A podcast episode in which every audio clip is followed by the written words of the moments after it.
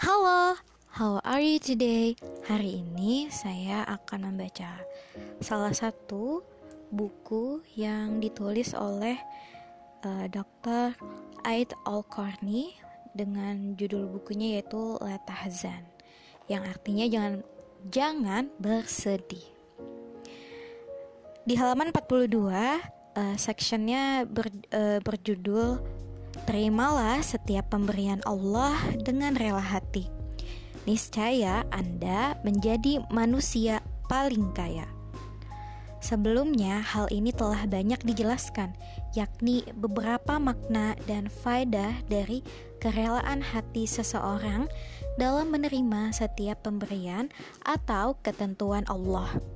Namun, kali ini penulis akan membahasnya secara lebih panjang lebar untuk mendapatkan pemahaman yang lebih baik.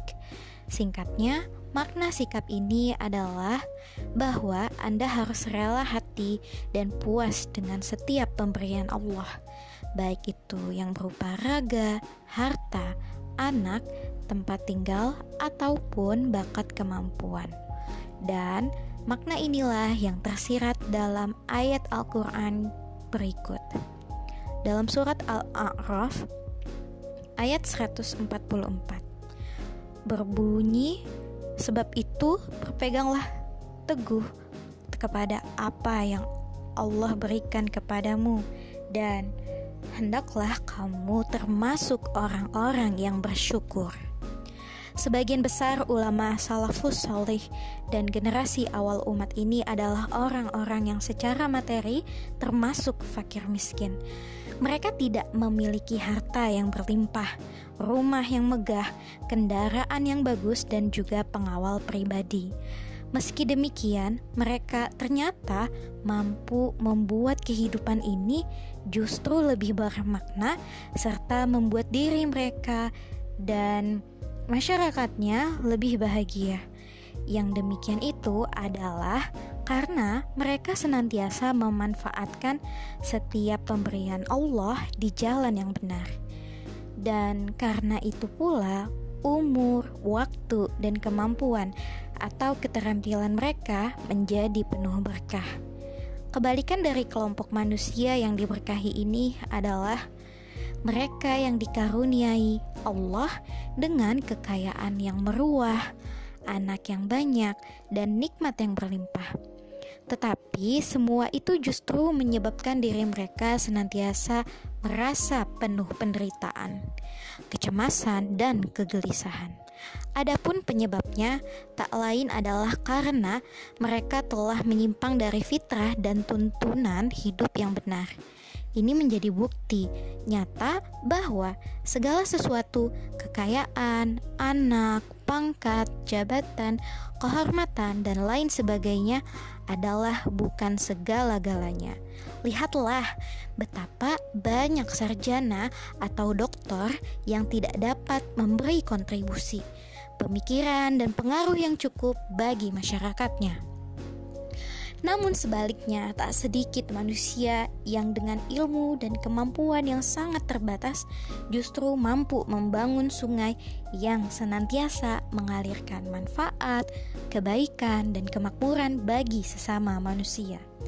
Jika Anda ingin bahagia, maka terimalah dengan rela hati bentuk perawakan tubuh yang diciptakan Allah untuk Anda apa pun kondisi keluarga Anda, bagaimanapun suara Anda, seperti apa pun kemampuan daya tangkap dan pemahaman Anda, serta seberapapun penghasilan Anda.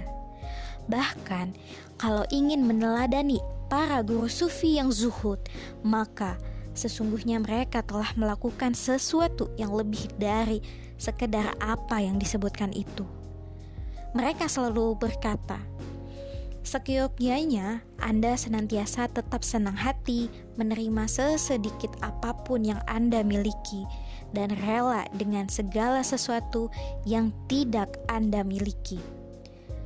Berikut ini adalah beberapa tokoh terkenal yang kehidupan duniawi mereka kurang beruntung. 1. Alto ibnu Rabah orang yang paling alim pada zamannya adalah seorang mantan budak berkulit hitam, berhidung pesek, lumpuh tangannya, dan berambut keriting. Dua, Ahnab ibnu Qais. Orang Arab yang dikenal paling sabar dan penyantun ini sangat kurus tubuhnya, bongkok tubuh punggungnya, melengkung betisnya, dan lemah postur tubuhnya. Tiga, Al-Amasi. Ahli hadis kenamaan di dunia ini adalah sosok manusia yang sayu sorot matanya dan seorang mantan budak yang fakir. Compang-camping baju yang dikenakannya dan tidak menarik penampilan diri dan rumahnya. Bahkan, semua nabi dan rasul Allah adalah pernah menjadi penggembala kambing, dan meskipun mereka termasuk manusia-manusia pilihan Allah dan sebaik-baik manusia, pekerjaan mereka pun tak jauh beda dengan manusia pada umumnya.